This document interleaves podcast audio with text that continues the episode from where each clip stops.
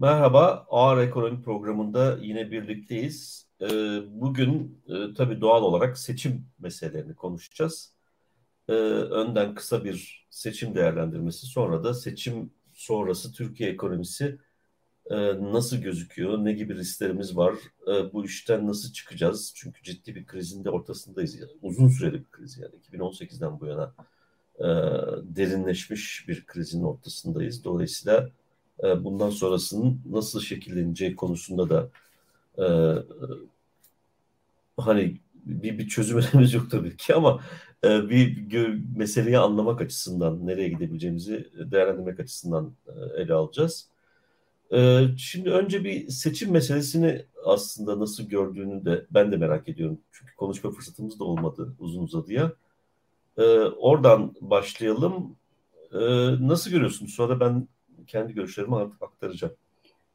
E, tabii bu e, görüşleri e, çok e, erken e, açıklamak gibi bir durumda da e, kalabiliriz ama e, seyircilerin samimiyetine e, güvenerek bugüne kadar ortaya çıkan sonuçları e, ve seçim süresinin e, yönetimi konusunda bir iki bir şey söylemek e, gerekiyor. E, ilk defa yaşadığımız bir durum bu. E, dikkat ederseniz e, iki turlu bir e, seçim süreci ilk defa Türkiye'de oluyor ve kurumlar, insanlar bu süre arasında yani 14 Mayıs ile 28 Mayıs arasında nasıl ne yapacağı, ne, ne edeceği konusunda da bir belirsizlik içerisinde. Öncelikle ortaya çıkan sonuçlar yani ikinci tura kalması sürpriz değil. Beklenen şeydi zaten bu. Ancak e, birinci e, olarak yani e, birinci turun birincisinin Sayın Erdoğan'ın olması e, beklenmeyen e, bir durumdu. E, dolayısıyla bu bir şok etkisi ve moral e, bozuntusu yarattı özellikle muhaliflerde. E, ciddi bir moral avantaj verdi e, Erdoğan ve destekçileri e, destekçilerine. Tabii bu tartışmaların hemen arkasından kamuoyu yoklamaları ile ilgili de e, anket şirketlerinin performansları da e, tartışılmaya başlandı. İşte bu e, tahmin edilmedi. Yani hiçbiri bunu e, göremedi diye e, bir e, suçlamalara da muhatap kaldılar. E, zaten bu programın bizim programları e, izleyicileri bilirler yani biz bu anket şirketlerinin yaptıkları işe biraz daha muhafazakar, daha tutucu e, yaklaşıyoruz, eleştirel e, yaklaşıyoruz.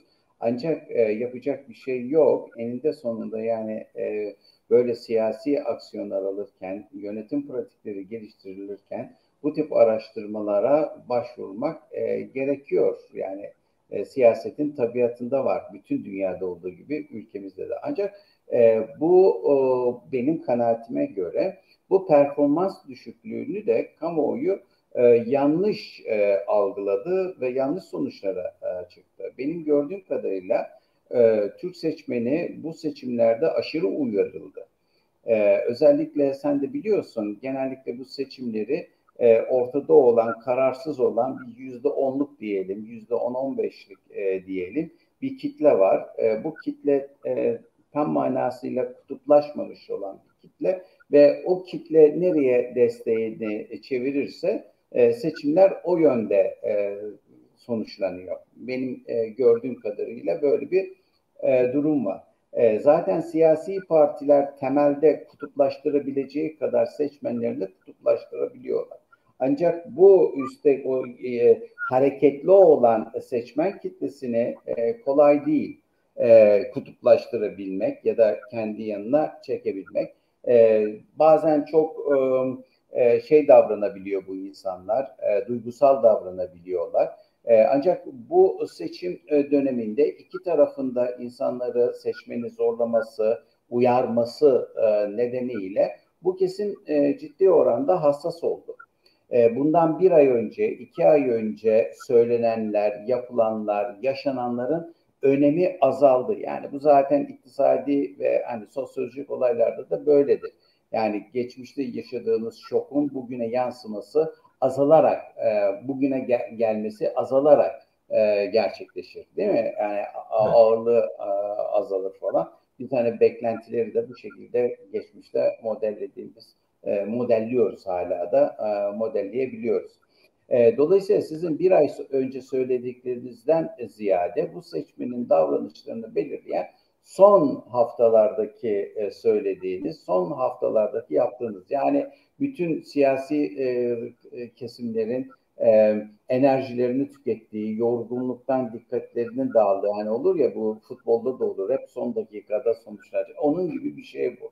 İşte o noktada kontrolü kaçırdığınız zaman e, ve bu insanların da e, şeylerin rızasını istediğiniz gibi yönlendiremiyorsunuz. E, şimdi e, birçok sebep var tabii ki muhalefet açısından ama e, ben özellikle bu son e, haftalardaki değiş bu şeyi e, muhalefetin yeteri kadar başarılı olamadığını düşünüyorum. Yani kendini anlatam anlatmakla sürekli savunmada kaldı. Sürekli olarak işte saldırılar, seçim güvenliğidir, işte e, seçim mitinglerindeki problemler konusunda sürekli bir gündemi oldu. Bu gündem e, yaşanırken de kendi tezlerine yeteri kadar ağırlık e, sağlayamadı, e, veremedi, netlik sağlayamadı. Nedir e, bunu daha somut bir şekilde ifade edersek? Bu kampanyanın ana teması muhalefet açısından değişimde. Umut ve değişim üzerine kurulu bir e, söylem e, belir, e, belirlediler. Ama bu değişimi yeteri kadar insanların zihninde belirgin hale getiremediler. Yani bir şeylere bağlayamadılar. Oysa aynı değişim, bak çok özür diliyorum. aynı değişim argümanını, söylemini Sayın Cumhurbaşkanı e, hiç zahmete girmeden aldı ve bunu e, bir takım unsurlarla altını doldurdu.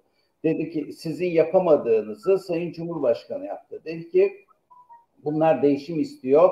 E, bunların değişim dediği işte PKK'lılarla e, şey yapmak. Hani o İstanbul seçimlerinde, Ankara seçimlerinde PKK'lılar şey getirecek falan diyordu ya onun gibi.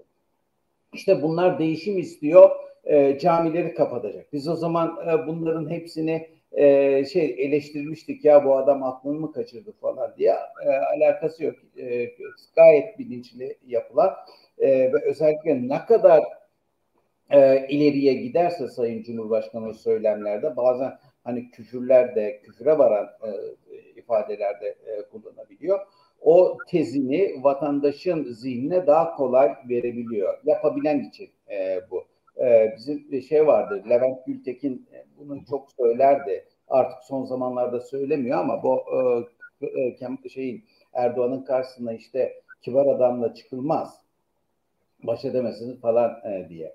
E, onun gibi bir şey. Oradan da bir e, bağlantı kurayım. E, şimdi bir başka husus daha var. E, o değişimi üçüncü bir unsura daha bağladı. O da LGBT e, değil mi?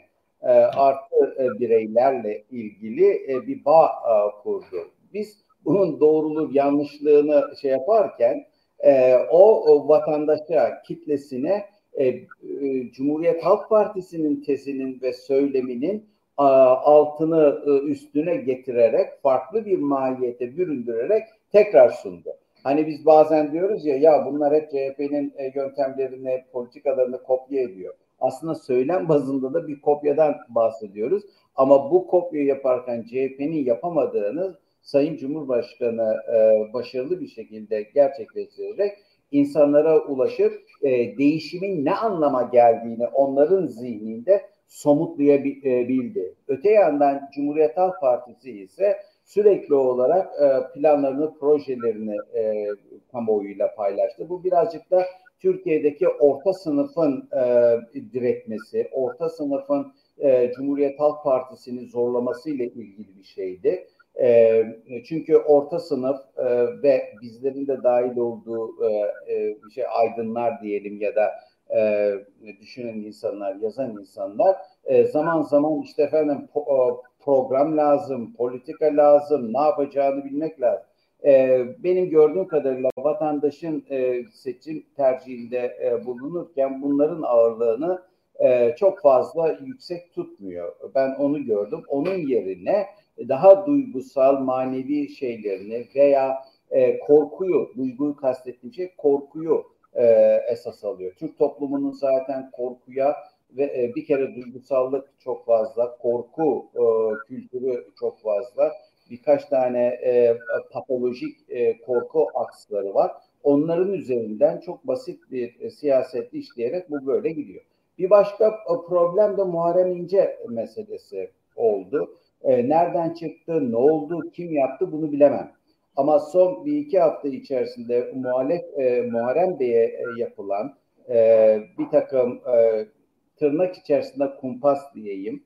E, açıkçası tırnağı da kaldıralım. Yani kumpas e, görünüyor. Yani bir orkestra edilmiş, birileri tarafından insan e, piyasaya sürülmüş şeylerdi e, onlar e, herhalde. E, sistematik olarak da e, Muharrem Bey'i e, savunmada e, tutuyor. Muharrem Bey de televizyonlarda e, bulduğu ortamlarda şikayetlerini kamuoyuna yapıyordu, dile getirebiliyordu. Bu bir mağdur e, algısı yarattı kanaatimce ve özellikle bu mağdur algısı tam oluşmuşken son haftalarda ki o e, biraz önce ifade ettiğim hareketli seçmen kütlesi üzerinde de çok etkisi e, var bu tip yani anlık gelişmelerin. Yani senin bir ay önce emekliye verdiğin paradan ya da e, konut sektörüyle ilgili e, şeylerden e, 418 e, milyardan çok daha e, acil e, önem kazanıyor. O çünkü geçmiş oluyor.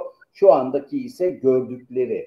E, ve bu o, süreçte Muharrem Bey son dakikada e, buradan e, adaylıktan çekildiği zaman e, bu mağdur algısı da zirvesine e, oluşmuştu ve kamuoyu da yine kas, e, ifade ediyorum açıkça buradaki e, şey o e, hareketli olan e, seçmen nereye gideceğini bilemeyen e, seçmen e, beklentileri açısından e, enteresan bir çıpa e, oluşturdu. Madem bu adamı siz mağdur ettiniz, madem bu adamın seçime girmesini istemediniz, o zaman ben de e, şeyi e, ko, e, desteklerim. Sinan Oğan'ı desteklerim. Yani e, bunları yaptığınız için ne sana ne de sana e, ben oy vermem e, dedi vatandaş ve böyle bir aritmatik ortaya e, çıktı.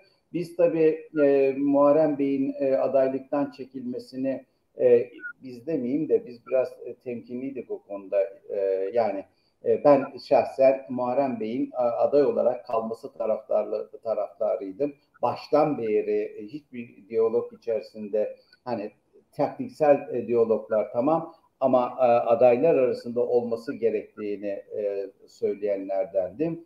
Ancak kamuoyu maalesef böyle bir yönlendirme yaptı bu konuda. Kamuoyu çok önemli. Son bir iki gündür yaşadığımız olayları da e, görüyorsunuz. Bazen olumlu bazen olumsuz sonuçları da var. Bu olumsuz sonuçlardan bir tanesi.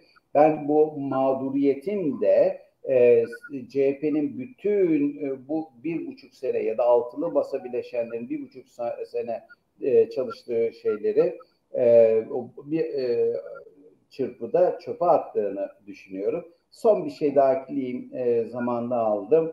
E, listeler. E, bunu e, ben e, ifade etmiş olayım e, ama detaylandırmayayım. E, gerekirse e, konuşuruz. Senin söz hakkından da almak istemem. E, yeteri kadar mühendislik yapılamadı e, bu listeler konusunda. Bu da e, ben hani bir iktisatçı ve işletme background'ı olan bir iktisatçı açısından e, Tayyip Erdoğan ve AKP e, kadrolarını bir tarafa bırakırsak muhalefette ciddi bir yönetim ama işletme anlamında bir yönetim krizi olduğunu düşünüyorum. Öyle ki yani e, bir seçim e, seçim sonuçlarını kend, e, derleyecek bir sistem kuramayan bir bilgi işleme e, sahip olan e, bir şeyde özel sektörde ikinci hataya kimse izin vermez. Birinci adada e, şeyde e, gider. Bu bir mücadeledir.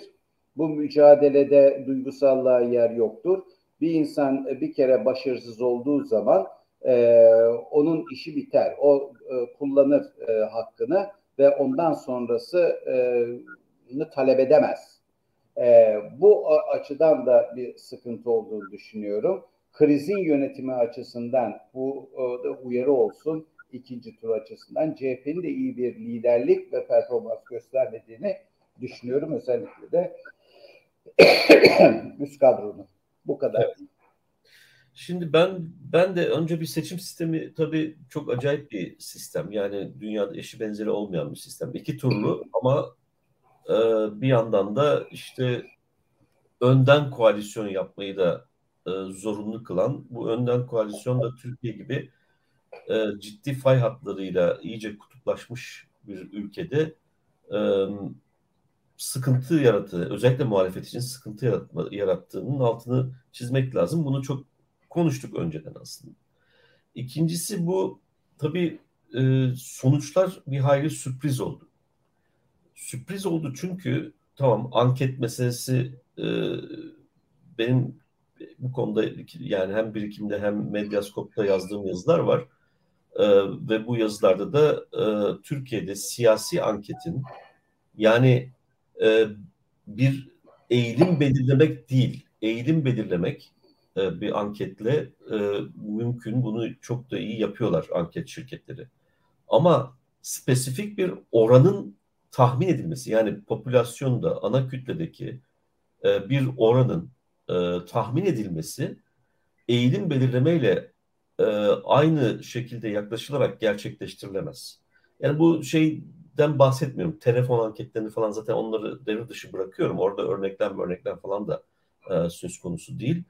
E, ama her işi doğru düzgün yapan, hanelerde yüz yüze görüşme yapanların da e, bir problemle karşı karşıya olduklarını düşünüyorum. Bir kere e, eğer bir oran ana kütle parametresine dair bir e, değer açıklanıyorsa bunun nokta tahminle açıklanması ve ondan sonra bizim sık sık bu programda da TÜİK'te işte 10.6'dan 10.4'e düştü işsizlik oranı, a düşmüş işsizlik falan gibi e, yorumlar yapmak çok e, doğru değil. İkincisi TÜİK yani o TÜİK verilerinde getirdiğimiz eleştiriden daha da vahim bir durum var ortada. Bir de barajlar var. Yani milletvekili e, çıkartmak için e, gereken minimum aşağı yukarı yani bu tabii seçimden seçime değişiyor. Hani e, dikte edilmiş bir baraj değil ama seçimin oy oranlarının kendi doğal milletvekili sayısına bağlı olarak ortaya çıkan, oy miktarına bağlı olarak ortaya çıkan doğal barajlar var. Dolayısıyla o barajların aşılıp aşılamayacağına dair bir e, bilgi edinemiyoruz mesela bu anketlerden doğal olarak edinemiyoruz. Ama e, partilerin oy oranlarını tahmin etmek üzere yola çıkanların kullandıkları yöntemler de e, bu tür tahminlerde bilimsel olarak kullanılabilecek güvenilir yöntemler değil. Daha karmaşık e, yöntemler uygulamamız gerekiyor. Yani bir düzgün örneklem seçeyim, sonra bu örneklemdeki şeyleri e, sayayım, oradan da... Bir şey saplama yapabilir miyim? Örneklemi de sanırım TÜİK'ten mi alıyorlar? Yok, yok hayır. Yani bu e, ciddi şirketlerin yani uzun yıllardır şey yapan, e, e, bu, bu piyasada bulunan faaliyet gösteren güvenilir şirketlerin artık kendi çerçeveleri aşağı yukarı oluşmuş durumda. Yani e, onların e, sokakların e, sokaklara kadar varan sosyoekonomik statü değerlendirmeleri var. Çünkü ön, önceden yüzlerce belki binlerce anket yapmış oldukları için e, ikinci verileri de takip ederek buna erişiyorlar. Dolayısıyla onların her birinin e, bir çerçevesi var. Elbette TÜİK kadar e, kapsamlı değil ama gerçi TÜİK'inki de artık e, şey değil. Çünkü e, bazı ciddi şeylerde işte sanayi sayımı, tarım sayımı, ıvır zıvır falan bu gibi konularda veri tabanını güncellemedikleri için e, sadece ADNKS'den gelen e, veriler var ki o verilerde de sosyoekonomik statüye dair aslında söylenen çok fazla bir şey yok. Dolayısıyla aslında ciddi anket şirketlerinin uzun yıllardır doğru düzgün anket yapan şirketlerle TÜİK'in çerçeve yaklaşımı arasında büyük bir fark yok. Yani çok ciddi bir farklılık yoktur. Onların bilgi birikimi bu çerçeveyi ve bu çerçeveden de örnek seçmeyi e, uygun bir şekilde yapmaları için müsait. Ama burada şöyle bir problem ortaya çıkıyor. E, bu örneklemi oluşturup oradaki oranı tespit ettikten sonra salt örneklemin e, temsiliyet gücü üzerinden oluşan bir güvenilirlikle tek bir nokta tahmin yayınlamak problem. Yani en azından onu aralık olarak yayınlamaları gerekiyor. Ama aralık olarak yayınladığın zaman da işte o hassas şeyler 40 diyelim yüzde 50 artı bir almak zorundasın. O zaman soruyu şöyle sormamız lazım. E, Cumhurbaşkanı adayı Recep Tayyip Erdoğan yüzde 50'yi geçiyor mu geçmiyor mu?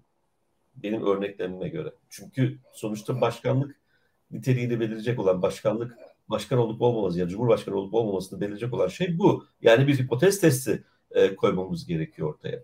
E, iki işte Kemal Kılıçdaroğlu yüzde elli artı biri geçecek mi? Yani yüzde elli sınırı geçecek mi geçmeyecek mi? Bunun testini yapması gerekiyor. Bu doğrultuda bir aralık. Şimdi e, keza parti oranları için de benzer var. Eğer Bayezyen bir yaklaşım yani önden bu tür bir e, e, nedir atanmış oran e, tespiti e, tespiti gerektiren bir yaklaşım söz konusu değilse o zaman işte öncü şeyler Bayezyen bir yaklaşım. Neyse fazla tekniğe girmeyelim. Bayezyen bir yaklaşımla e, yaklaşma şey yapmak gerekir, tahmin yapmak gerekir. E, onu da yapan var mı bilmiyorum ama her halükarda bizim gördüğümüz nokta tahminler e, yerine e, varyansları da içeren aralık tahminlerini yani o yaptıkları tahminin e, hata hata payını da içeren aralık tahminlerini vermeleri gerekir. Bu konuda bir standart oluşturmak gerekiyor bence. İkincisi bu seçimden itibaren şu beni biraz rahatsız eden bir mesele haline dönüşmeye başladı çok e, net olarak. Ee, işte seçime birkaç gün kala gerçekten sonuç açıklamak ne kadar e, anlamlı, ne kadar etik açıdan e, doğru bir şey onu da e, değerlendir. Çünkü kamuoyunun özellikle bu bu seçimde çok büyük bir hassasiyet vardı. Yani varlık yokluk seçimi haline dönüşmüştü. Bence de hatalı bir şekilde. E, bu, bu durumda oran açıkladığınız zaman aslında belli ölçülerde o havanın e, akıbeti hakkında da bir müdahalede bulunmuş oluyorsunuz. Yani gözlemci aslında şeyde olduğu gibi, kuantumda olduğu gibi, kuantum teorisinde olduğu gibi e, gözlemci de olayın bir parçası haline e, dönüşmüş oluyor ve e, dolayısıyla ortayı e, ortalığı etkileyen bir e, ha, açıklama haline dönüşüyor. Şimdi bunu ileride sakin sakin tartışırız belki ama sonuç itibariyle böyle bir şey var. Şimdi ortada bir olgu da var ama. Anketleri bir kenara bırakalım. Ee, anket yoksa o zaman ne yapacağız? Tabii ki teorik bakış açısıyla meseleyi değerlendireceğiz. Değil mi? Gözlemlerimizi şunu bunu falan dikkate alarak değerlendireceğiz. O anket verisini aklımızın bir köşesinde tutarak. E şimdi böyle baktığımız zaman da e, önden görünen pek çok e, şeye, e, olguya ters bir sonuçla karşı karşıya kaldık. Dolayısıyla ortada açıklanması gereken bir şey var. Anketlerin tamamına yakınının aslında yani kayda değer anketlerin e, angajı şey e, yarışan taraflardan birine angaja olmamış, tarafsız kalmayı başarmış. Bundan önceki seçimlerde de bunu e, defalarca ispatlamış. E, eksik gedik de olsa eleştirsek de e, belli sonuçları e, düzgün yayınladığına güvendiğimiz yani e, hata yapıyor olabilirler ama bu bilinçli olarak yapılmış bir hata değil. E, şirketlerin neredeyse tamamının öngörülerinin tersine bir durumla karşı karşıya kaldık. Bu sadece başkanlığı, Cumhurbaşkanlığı e, seçiminde alınan oyla ilgili olarak konuşmuyor. Partilerin aldıkları oy oranlarında da bir şey var. Üstelik o anketlerin yaklaşımıyla bizim e, ön değerlendirmelerimiz de bu seçim için uyuşuyorlardı. Yani biz de aslında işte MHP'nin çok düşük oy alacağını bilmem ne falan filan. Şimdi dolayısıyla ortada böyle bir büyük farklılık varsa o zaman bu farklılığın neden oluştuğuna dair de bir e, soru or- sormamız gerekiyor. Şimdi son e, bir 24 saat içerisinde hatta yoğunlaşan e, şey karşılaştırmaları ıslak imzalı e, tutanakla e, Yüksek Seçim Kurulu'nun açıkladığı tutanak arasında sistematik bir hata. Yani şu olsa anlayacağım.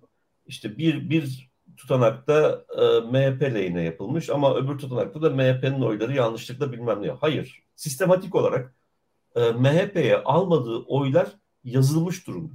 Şimdi o zaman bu farklılığın yani bizim e, önden beklentilerimiz ile önden oluşturduğumuz beklentiler ile seçim sonucunda ortaya çıkan sonuçlar arasındaki e, büyük farklılığın e, buradan kaynaklanıp kaynaklanmada dair de bir soru açık olarak ortada. Dolayısıyla muhalefetin esas itibariyle bu konuda e, harekete geçmesi gerekiyor ama bildiğim kadarıyla Yeşil Sol Parti e, çok epeyce bir şey yapmış durumda, itiraz etmiş durumda.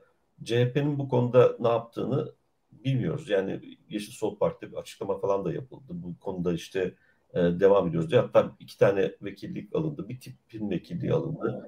İstanbul'da ve Ankara'da e, itirazlar çünkü bildiğim kadarıyla İstanbul birinci bölgede tipin ikinci sıradaki adayı 900 oy farklı kaybetmişti. 250'ye e, kadar düştü o itirazlarla ve henüz daha sonuçlandırılmamış itirazlar da var. Dolayısıyla orada da bir vekillik e, gelmesi söz konusu olabilir tipe. E, şeyde de e, Yeşil Sol'un da e, ek bir vekillik alması söz konusu. Ankara'da da öyle. E, dolayısıyla e, CHP de itirazları yaptı yani Canan Hanım açıklama yaptı, Muharrem Erkek yaptı. CHP'de de itirazlar yapıldı. Erdoğan ama, Toprak yaptı. Ama, ama burada şimdi CHP'nin sahip olduğu imkanlar, ana muhalefet partisi olarak sahip olduğu imkanları düşünecek olursak burada nasıl hareket ediyoruz? İşte e, sivil toplum web sayfaları üzerinden e, gönüllüler daha doğrusu sivil toplum demeyelim. Gönüllüler e, karşılaştırma yapıyorlar. Partiler belki karşılaştırma yapıyor. Ama partilerin mesela bir veri bilimi e, konusunda uzmanlaşmış bir ekibi var mı? Bu çünkü eğer varsa bu tür e, farklılıkları ayrıksız e, ve açıklanmak açıklanması gereken farklılıkları tespit etmek birkaç e, saat alır. Şimdi böyle bir veri bilimi ekibi niye oluşturulmadı? Var varsa tamam. Varsa işini yaptı mı? Yapamadıysa niye yapamadı? Ee, yoksa niye oluşturulmadı? Çünkü bugüne kadar yaşadığımız yakın dönem seçim e, deneyimleri bu tür bir problemle karşı karşıya kalabileceğimizi apaçık gösteriyordu. Ee, ikincisi işte CHP'nin bir 20 bin sandıkta ıslak imzalı e, tutanak olmadığına dair bir şaiya var ortada. Bilmiyorum doğru mu yanlış mı onu herhalde seçimden sonra şey yapacaklar. Açıklanacak bu seçim sonrası değer yapılması gereken bir değerlendirme. Ama bunu da e, bir eksiklik olarak görmek gerekiyor. Çünkü kocaman bir muhalefet bloğu oluştu. Yani altı partiden oluşan bir blok var. Bir de onun yanı sıra Yeşil Sol Parti var. E bunlar herhalde birbirlerine küs ve aralarında hiç konuşmuyor değillerdi. E, konuşuyorlarsa o zaman bu 190 bin sandığında sandıkta görev alacak 300-400 bin tane e, şeyi, müşahiti ve e, sandık görevlisini niye oluşturamadılar? Oluşturdularsa bunlardan gelen sonuçlar e, neden e, büyük bir süratle e, bilimsel yöntemlerle yani gözle kontrol değil de bilimsel yöntemlerle şüpheli yerleri tespit edip ondan sonra onları gözle kontrol etmek ve bu yolla vakit kazanmak ve dün akşam itibariyle bütün itirazları, bütün sandıklarda bütün itirazları e, bitirmek yoluna gidilmedi. Bunlar hep bir problem. Bunları tabii seçimden sonra konuşacağız. Çünkü şu anda bunları konuşmanın bir şeysi yok, anlamı yok. Şu anda 12 gün içerisinde yapılması gereken bir seçim var e, ve bu seçimde e, ilk seç turda yapılan hataları yapmadan e, nasıl e, odaklanarak bu işin peşine koşarız?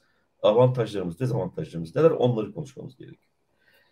E, şimdi sonuçların e, bu haliyle diyelim yani e, güvenebilir bir sonucumuz yok elimizde.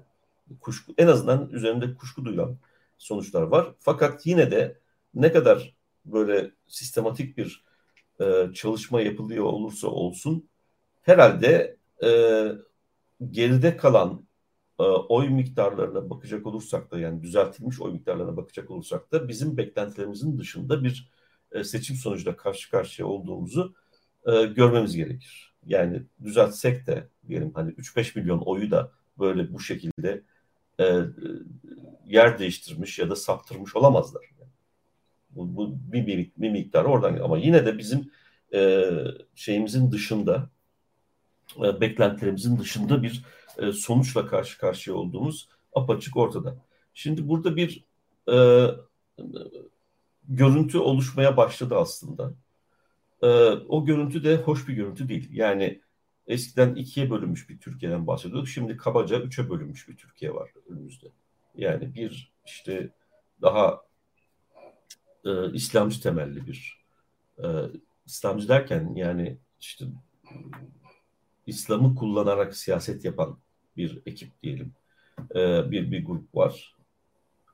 E, milliyetçi bir odak oluşmuş durumda. Bir de geri kalanlar diye bir odak. Yani üç tane ana odaktan bahsedebiliyoruz. Ama işin ilginç tarafı her odağında e, kendi içerisinde ayrışmış olmaları söz konusu. Yani öyle bir değerler sistemi etrafında e, bu net ayrışmayı görebiliyoruz ama o değerler sistemini siyaseten temsil etmek konusunda çok sayıda aday var her birinin içerisinde. Dolayısıyla oradan kaynaklanan bir geçişkenlik de söz konusu. Yani bir odakta işte milliyetçiler burada ama bu e, her bir e, şey diyelim koalisyon diyelim e, kendisine her iki ya da üç odaktan da en azından iki odaktan diyelim e, temsil, siyasi temsilci e, barındırıyor. Dolayısıyla bu aslında o oluşmuş odakların e, siyasi temsili e, temsilcilerinin yarıştığı bir ortamdan da bahsetmemize engel oluyor. Bu çok kafa karıştırıcı ve acayip bir durum.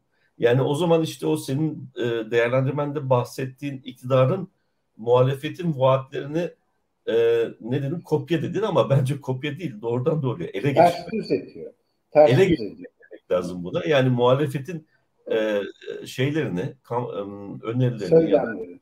söylemini ele geçirebiliyor. Çünkü onu ele geçirmek için e, yeteri kadar e, iyi ya da kötü, e, temsil, temsil gücü olan ya da olmayan ama sonuç itibariyle siyaset siyaseten varlık gösteren e, bir takım e, figürlere sahip koalisyonu içerisinde. Dolayısıyla rahatça onu da ele geçirebilir. Tabii de iktidarda olmanın avantajından da e, bahsetmemiz gerekiyor. Şimdi böyle baktığımızda bu karışıklıkları aslında aşmamız ve bir netleşmenin herhalde önümüzdeki bu seçimi atlattıktan sonra bu netleşmenin e, olmasını beklemek e, gerekiyor bence. Ondan sonra bunlar arasındaki koalisyonların nasıl şekilleneceğine e, bakabiliriz. E, şimdi muhalefette tabii yine hep eleştiriyoruz ama iktidarda da e, bir bu işte MHP'nin AKP'nin büyük ölçüde oy kaybetmiş olduğunu e, görüyoruz. Yüzde 35'lere kadar düştü bu. E, dolayısıyla buradan bize şöyle bir sonuçta çıkıyor. Esasında e, bu e, bir patronaj ilişkisi söz konusu. Yani bir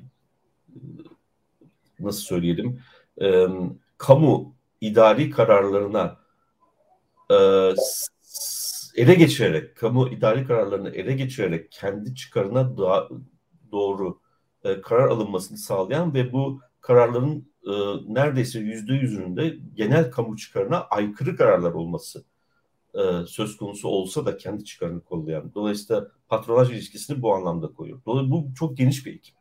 Yani bu geniş bir kitleyi kontrol etmeyi sağlıyor aslında. İktidarın kontrol etmesini sağlıyor. O yüzden e, bu iktidar bloğunun e, belli bir seviyenin altına düşmesi, yüzde 30-35'in altına düşmesi gerçekten zor. Şimdi 35'e kadar geriledi. E, bu patronaj ilişkisi dağılmadığı sürece e, aşağıya doğru gerilemesi daha yavaş olacaktır. E, ama bu patronaj ilişkisi de aynı zamanda dağıtacak bir e, ya da nemalandırma milleti insanları nemalandıracak bir e, e, finansal ahlak işin öbür tarafı ama o ahlak kaynak kaynak kaynak ha. Ahlak e, haddim değil e, ahlak e, demeye. Bir kaynağın e, oluş varlığını zorunlu kılıyor. Şimdi bu kaynağın oluş e, var olmadığını gözlemliyoruz değil mi sonuç itibariyle? E, artık herhalde gelecek gelecek geleceğimizin satışı da e, sonuçlanmış durumda. E, ve bundan sonrası için e, bu patronaj ilişkisinin sürdürülmesi e, kolay gözükmüyor.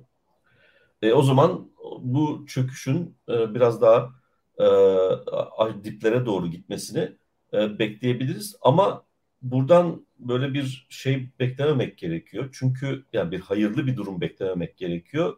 E, çünkü bu patronaj ilişkisinin sürdürülebilirliği kaynak kısıtı nedeniyle mümkün olmayacaksa o zaman e, otoriterliğin dozunu artırmak ve yani sopa kısmını artırmak bunun da çok tartışmalı bir ortama doğru e, memleketi sürüklemesi ve ortaya çıkacak olan faturanın e, inanılmaz ağır bir fatura olması e, pek çok canın yanması yani son derece yüksek bir çatışmalı ortama doğru e, gitmemizi e, gitmemize neden olabilir. O bakımdan da e, bu ikinci turda e, ikinci tura asılmak şimdi giderek yani şimdi bir önceki e, turdan çok çok çok daha e, önemli bir hale geldi. Yani artık gerçekten e, ülkenin e, esenliği açısından e, bu asılmayı gerçekleştirmemiz ve se-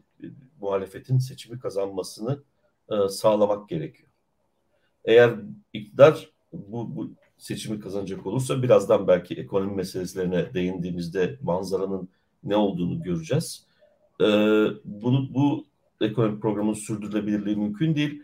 E, bu yaklaşımın dışında başka bir yaklaşımla yeni bir ekonomik programı oluşturmaları hiç mümkün değil. Çünkü patronaj ilişkisi üzerine e, kurulu bir şeyse bu, bu, bu, bu ekonomik e, program zaten bu patronaj ilişkisinin e, devam etmesi, oluşmasını ve devam etmesini sağlamak üzere kurulmuş bir e, ekonomik programdır. Artık e, deniz bu anlamda bitiyor ve e, bu çerçevede de e, gidecek fazla bir yerimiz yok. Bir de e, birkaç tane, e, daha doğrusu iki üç tane e, figür hakkında konuşmak. Birincisi Sinan Oğan. Yani bu Sinan Oğan'ın e, yüzde 5.6 değil mi aldığı oy? Bu 5.6'lık oyla e, Kingmaker mı diyorlar ona işte şeyi bütün ortamı e, siyasi sonucu belirleyecek bir e, e, figür haline dönüşmesini ben gerçekçi bulmuyorum. Şu açıdan gerçekçi bulmuyorum. Bir kere Sinan Oğan'ın e, aday gösteren siyasi partiler e, yüzde bir civarında, bir buçuk civarında bir oy aldılar. Bir buçuk bile değil toplamlar. Ata, Ata ittifakını hatırlamıyorum yani. E, dolayısıyla aslında Sinan Oğan'ın e, oy verenler Sinan Oğan'ın siyaseten e, kontrolü altında olan bir kitle değil. Yani Sinan Oğan dese ki şuraya oy verin, oraya gerçekten Sinan Oğan öyle dedi diye oy verip vermeyeceklerini bilemeyiz. Dolayısıyla bunu fazla abartmamak gerekiyor. Sinan Oğan'ın da e, muhalefetin seçimi kazanması için Sayın Kılıçdaroğlu'nun adaylıktan çekilmesi benim aday olmam uygundur gibi bir üstten bakışla açıklama yapmış olmasını da büyük bir talihsizlik olarak e, Aa, onu bilmiyordum. E, yani öyle bir şey yani evet. eğer bu teyitli bir bilgi ise e, birazcık kibir e, evet, dozu yüksek. Yani, e, biraz ukalaca bir yaklaşım oluyor ama o beyefendi böyle şeyleri söylemez diye düşünüyorum. E, umarım yani teyit etmedim ama tey böyle bir var. Fakat her halükarda bu bu tür bir kingmaker haline dönüştürülmesi bu figürün şeydir. Çünkü sonuç itibariyle o işte senin de bahsettiğin gibi Muharrem İnce'den e, kopan oylar, genel olarak tepki duyan yani iktidarda işte büyük ölçüde MHP'den kopmuş ama e, Millet İttifakı'na gitmekten e, gitmeyecek olan e, oyların e, çekim merkezi ve e, Sinan Oğan'ın bu oyları yön, siyaseten yönlendirme kabiliyetinin sınırlı olduğunu düşünenlerdi. E, dolayısıyla onun e, hak ettiğinin ötesi zaten bu koalisyon içerisinde senin listeleri oluş, oluşumuna ilişkin söylediğin şeyler herhalde onu da barındırıyor. E, o listelerde yer işgal edenlerle e, beklenen oyların yani bir anlamıyla taahhüt ettikleri oyların diyelim e, örtüşmediğini görüyoruz. Özellikle CHP içerisindeki e, CHP listelerindeki e, e, işte Gelecek, Deva, şu bu falan gibi partilerin aldıkları milletvekillikleriyle getirdikleri oy miktarı arasında kabaca tabii ki bilemeyiz oy kaymalarını ama kabaca ilk görüntü pek nedir orantılı olmadığını söyleyebiliriz. Tabii ki aynı zamanda bir de bu partilerin Millet İttifakı içerisinde bulunmalarının yarattığı bir ideolojik katkı da söz konusu. E, o katkıyı vermiş oluyorlar. Dolayısıyla ama bu ileride tartışılması gereken meselelerden bir tanesi belki de. Bunun neden başarılamadığını da ayrıca e, değerlendirmek gerekiyor. İkinci, son olarak bir de e, üçüncü yol ittifakı yani Emek ve Özgürlük İttifakı'nın e, durumu hakkında konuşmak. Bir kere bence seçimde en yüksek performansı gösteren e, partiler partiler arasında herhalde ilke, ilkine, ilkine bir, şey yapılabilir. Muhalefet partileri arasında yapılabilir. Türkiye İşçi Partisi koymak gerekiyor. Türkiye İşçi Partisi büyük bir risk aldı. E, gerçekten e, bu riskin e, sonucunu ben merak ediyorum ama benim beklentimin ötesinde bir e, performans gösterdiklerini söylemek istedim, söylemeliyim. Dört tane vekillik kazandılar. E, sanıyorum üç tane vekilliği de böyle işte binin altında oyla e, ya da bin civarı oyla e, yitirmiş durumdalar. Onlar da itirazlı. Yeşil Sol Parti'de e, şöyle bir durum var. Oy baktığımız zaman oylarda e, HDP'den itibaren bakacak olursak oylarda bir düşüş olduğunu görüyoruz oy oranlarında. Ama bunun birkaç tane nedeni var. Birincisi bilindiği gibi bu HDP'nin e, sürekli operasyonlara maruz kalması ve aşağı yukarı 6 bin civarında e, önemli yöneticisinin e, hapiste olması e, partinin nedir o hareket kabiliyetini e, aksatmış durumda e, bu örgütlenme açısından falan da epeyce bir e, problem yaratıyor. İkincisi e, gördüğümüz kadarıyla bütün bu şeylerden e, manipülasyonlardan, YSK içerisinde gerçekleşen manipülasyonlardan gördüğümüz kadarıyla YSP oylarının e, yer değiştirdiğini büyük ölçüde e, görüyoruz. En azından şu ana kadar çıkan e, şeyler içerisinde, sonuçlar içerisinde, e, görebildiğimiz sonuçlar içerisinde. Dolayısıyla böyle bir baskı altına da e, alınmış durumdalar. Üçüncüsü 62 belediyenin 61 tanesinde e, kayyum var ve belediyeler aslında e, partilerin halkla temas ettiği en önemli kurumlar. Yani e, yönetim anlayışını doğrudan doğruya görebildiği e, ve bu yolla da e, bağ kurabildiği e, kurumlar. Bunları elin, elinden aldığınız zaman e, birkaç tane şey yaratıyor ortada. Yani bir, bir e, bu, bu bağı kurmaktan mahrum bırakıyorsunuz. Aynı zamanda bir yılgınlık ortamı da ortaya çıkartmış oluyor. Yani seçiyoruz ama e, geri nedir e, oylarımızı e, yok sayılıyor, soyu, sayılıyor gibi bir e, durum da e, ortada. Dolayısıyla bütün bu koşullar altında e, bu düşüşü anlamak gerekiyor. Aynı zamanda da tabii e, Yeşil Sol Parti'nin e, konferanslarla çünkü anladığım kadarıyla e, gör,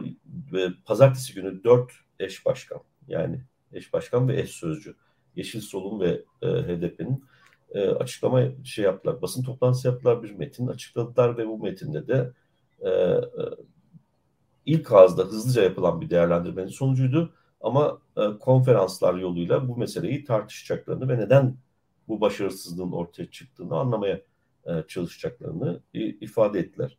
E, e, ama bütün bunlar e, bir kenara bizim demin de söylediğim gibi e, ikinci tur seçime odaklanmak gerekiyor. Eğer e, bu ilk turdaki oy oranları belli ölçülerde manipülasyonlardan kaynaklandıysa bu manipülasyonların olmasını nasıl engellenir, nasıl engelleyebiliriz diye bir süratli çalışma yapılması gerekiyor. İki, e, bu sonuca neden olan e, faktörleri yani seçim kampanyası çerçevesinde e, ortaya çıkmış problemleri senin kısaca değindiğin meseleleri e, nasıl e, düzeltebiliriz? Nasıl daha doğru bir, daha düzgün bir e, seçim kampanyası ile bu sonucu geri çevirebiliriz meselesini e, tartışmak gerekiyor. Dezavantajlı durumda muhalefet ama bu dezavantajı ortadan kaldırabilecek e, gücü de var. Şimdi bir parça e, ekonomideki duruma da değinmekte fayda var. 2-3 e, tane rakam verdikten sonra şeye genel olarak senin e, Cumhuriyet'te galiba bugün yayınlanan değil mi? E, çıkışla ilgili. o meseleleri o, o yazıdan yola çıkarak da herhalde söylemek istediğin şeyler vardır diye sözü sana bırakacağım. Bir e, bütçe açığı yani bütçe rakamları ilk çeyreğin bütçe gerçekleşmeleri açıklandı. E, ilk çeyrekte bütçe açığı 382,5 milyar lira. Şimdi harcamaların e, ilk çeyrekte yani yılın ilk dörtte birinde harcama e, bütçesinin üçte biri tüketilmiş durumda. E, Mayıs ayı hariç. Şimdi Mayıs sonuna da sarkacağına göre bu seçimin sonuçlanması e, Mayıs ortasına kadar devam eden e, seçim ekonomisi e, yaklaşım Mayıs'ın sonuna kadar devam edecek demektir. Dolayısıyla bu bütçe açığı e, giderek daha da büyüyecek. E, gelirlerin ise, şimdi harcamaların üçte biri yapıldı dedim. Gelirlerin ise yüzde yirmi sekizi alınabilmiş. E, bir de e, verilen sözler var. O verilen sözleri tutacaklarını bilmiyorum. Ben sonunda ne dedim? En düşük memur maaşını 22 bin lira yapacağım. Yaptım dedi hatta yani. iktidarda olmanın e, vurgusunu da altında çizerek söyledi Sayın Cumhurbaşkanı. E, 22 bin lira yaptım dedi. Şimdi o zaman bu bütçenin e, üzerinde nasıl bir yük getiriyor? EYT'ler şunlar bunlar falan için içine girdiğinde o bir hesap vardı bir trilyon lira civarında bütçe açığı e, diye. O herhalde bir trilyonun biraz üstüne çıkacak. Çünkü başkaları da 1.2 trilyon falan gibi hesaplıyorlardı. Bunun nasıl kapanacağını bilemiyoruz. Yani. Bu para sürgit para basarak e, bu açığı kapatmanın imkanı yok. E, 20 kat, geçen yıla göre 20 katlık bir artış e, söz konusu. E, e, kur korumalı mevduat meselesi var. Bu e, büyük ihtimalle seçime endeksli bir vadeleme vardı. Bu vadeler çözüldüğünde döviz üzerinde baskının nasıl oluştuğunu e, gördük. E, e, en son çıkan bir kararname de var. Onu da sen de fark etmişsindir.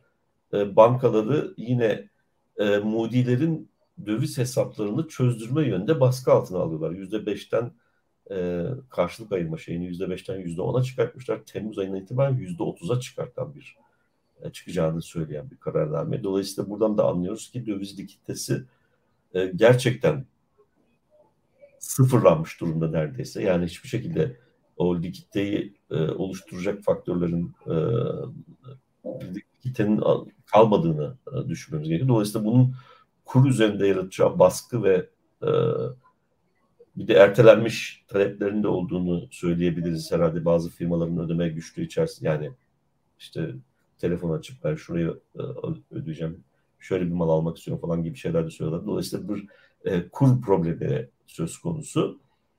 Yani kabaca şimdi daha fazla detaya da girmeyelim vaktimiz e, kısıtlandı çünkü. Günlük müdahalelerle yürüyen bir sistem vardı ve bu günlük müdahaleler sürekli yama yapma üzerine e, kuruluydu ama artık bunun devam etmesi mümkün değil. Dolayısıyla burada bir şey var, ikilem var. Acaba bu politikayı devam ettirecekler mi? Yani söylem e, bugüne kadar söyledikleri şey e, Sayın Cumhurbaşkanı hayır vazgeçmeyeceğiz. Faiz konusunda da işte diğer uygulanan ekonomi politikasında vazgeçmeyeceğiz dedi.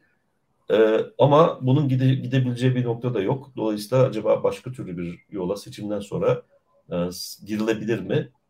E, daha piyasalarla uyumlu çalışan bir ekonomi politikası görebilir miyiz? Sorusu ortada. Bunun tabii siyasi şeyi de ayrıca etkileri de olacaktır diye düşünüyorum. Ee, sen nasıl görüyorsun bu meseleleri? Şimdi çok fazla zamanım kalmadı e, benim hani konuyu ele alabilmek için. Ama ben hani bir iki noktaya sadece değinmekle e, bırakayım. Nasıl olsa konuşuyoruz bunu. E, bir kere Sayın Cumhurbaşkanımız e, bu seçim kampanyasında çok başarılı. E, ben e, onun e, hedeflerini e, net olarak bilmem e, mümkün değil. Ancak e, tahmin edebiliyorum ve bir iktisatçı olarak e, en güçsüz olduğu alanın ekonomi alanı olduğunu bilen Sayın Cumhurbaşkanı kamuoyunun dikkatlerini ekonomiden elden geldiğince farklı alanlara çekmesini başardı.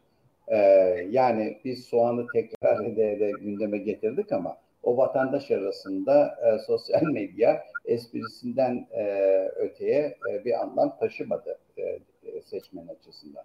E, e, muhalefet ise e, ekonomiyi yeterince e, gündemde tutamadı. Yani e, buradan kastettiğim şudur. E, açıkçası. E, zaten bu eleştirileri de zaman zaman yaptık biz e, muhalefete ve muhalefet temsilcilerine.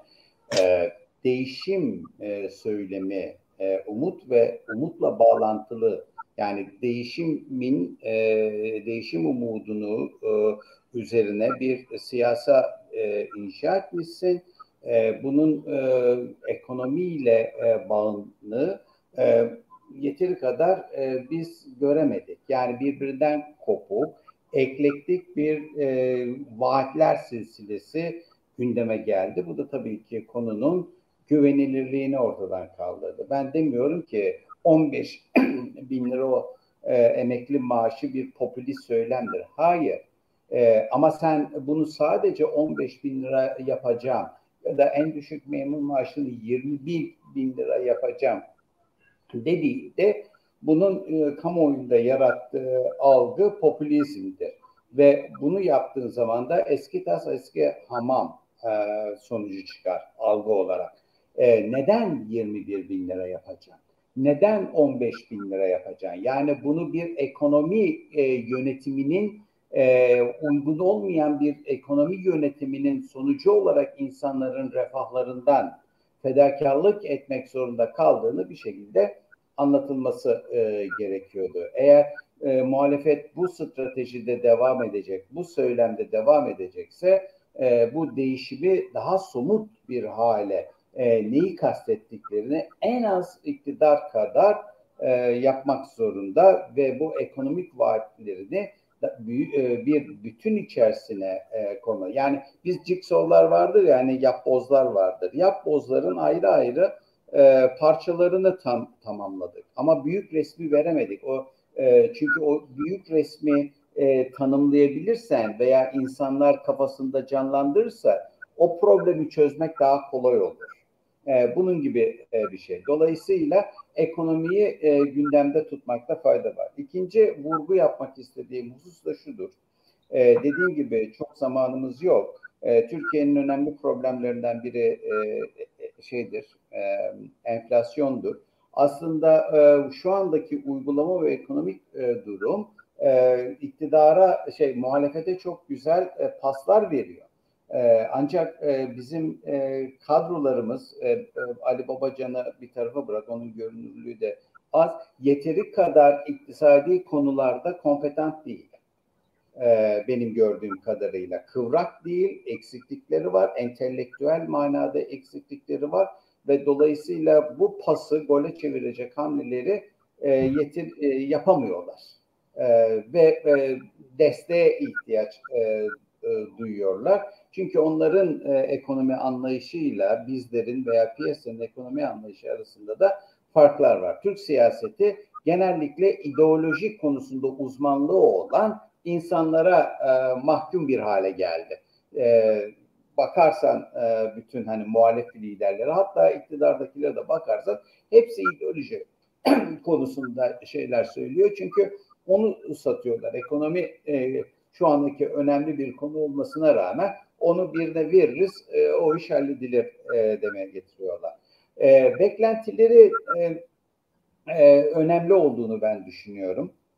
Şimdi kamuoyunda bir yanlış algılama da var. E, kurlarda bir yükselme, borsada bir düşmek, e, yani bir hareketlilik var ve bu e, ortaya çıkan seçim sonuçlarının olumsuz e, e, olumsuz olarak algılandığını e, şey yapıyor, düşünce yani yorumlara neden oluyor. Ben öyle düşünmüyorum.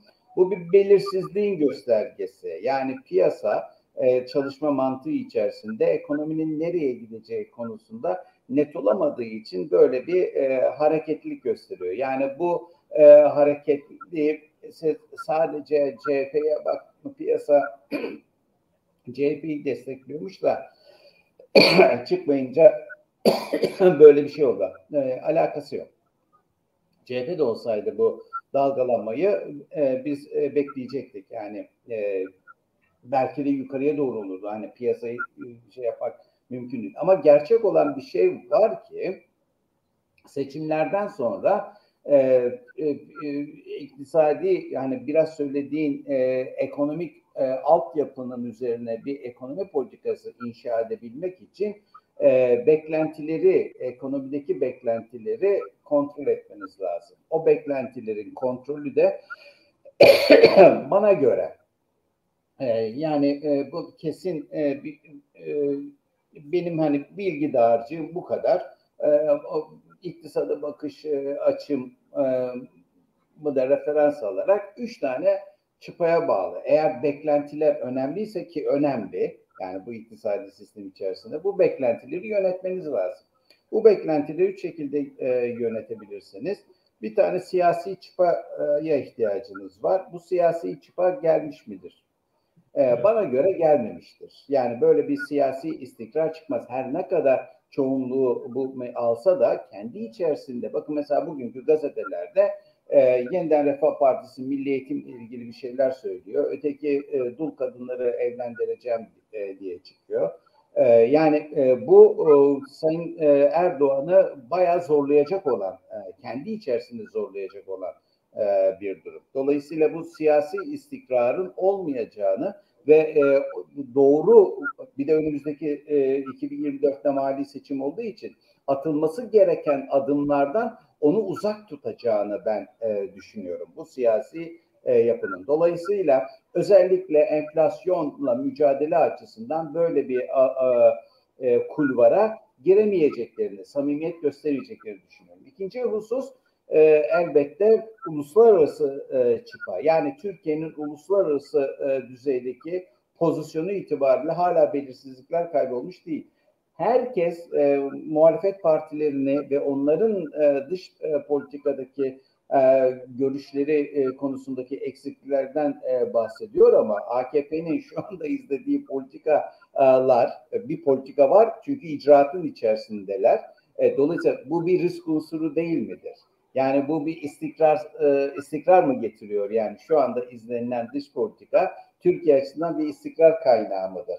Yani Türkiye'nin e, özellikle böyle kaynak ihtiyacı e, olduğu ve batıdan gelecek sermayeli sermaye akımlarına muhtaç olduğu bir dönem içerisinde hani Sayın Cumhurbaşkanı diyor ya ben IMF'ye gitmeyeceğim diyor. Tamam gitme ama e, kontağı açtığı zaman Türkiye ekonomisine 180-200 milyar dolar çalışma sermayesiyle başlaman lazım. E, dolayısıyla bu net hata noksanla onunla bununla olmaz. Kontağı çevirdiğinde çalışma sermayesi yazmaya başlar. Dolayısıyla bu paranın kaynağı Katar Matar da değildir. Zaten bu dönemde onlara fazla şey olmaz. Çünkü bu uluslararası konjonktür içerisinde herkes muhafazakarlaştı. Dolayısıyla uluslararası sermayeyi Türkiye'ye çekmek elzem Türkiye açısından. Hangi siyasi koşullarda biz bunu çekeceğiz? Üçüncü olarak da e, çıpa olarak da bu seçimlerin sonuçlarını da böyle değerlendirmekte fayda var. Teknik çıpa, Merkez Bankası e, yönetimiyle ilgili para politikası. E, bunu ben e, naif bir iktisatçı olarak söylemiş olayım. Yani beklentileri başka türlü e, yönetemezsiniz. Yani bazı arkadaşlarımız hani bunlara e, yok işte nominal çıpalara, reel çıpalara itiraz ediyorlar ama e şimdi eğer bir beklenti meselesi varsa piyasa ekonomisinde bu beklentileri bir şekilde yönetmeniz lazım. Bu beklentiler serbest piyasa, açık ekonomi içerisinde çıpalarla olur. Dolayısıyla siz nominal şey e, enflasyon e, hedeflemesini sevmiyorsanız e, alternatif olarak ne koyacaksın onun yerine? yani bütçeyi mi koyacaksın falan. Yani onu zaten e, koymasın. Dolayısıyla böyle bir çıpanın uygulanabilmesi de çok fazla mümkün değil. Benim yaptığım analizler e, yani olayın tekniğini e, referans alarak bu tekniğe, bu siyasi yapı uymuyor. E, dolayısıyla buradan Türk ekonomisi için hayır çıkmaz. Bunu kastediyorum. Bu kadar. Tamam. Peki o zaman bizde doldu zaten. Evet, ee, evet. Önümüzdeki hafta devam etmek üzere diyelim. Hoşçakalın. Hoşçakalın.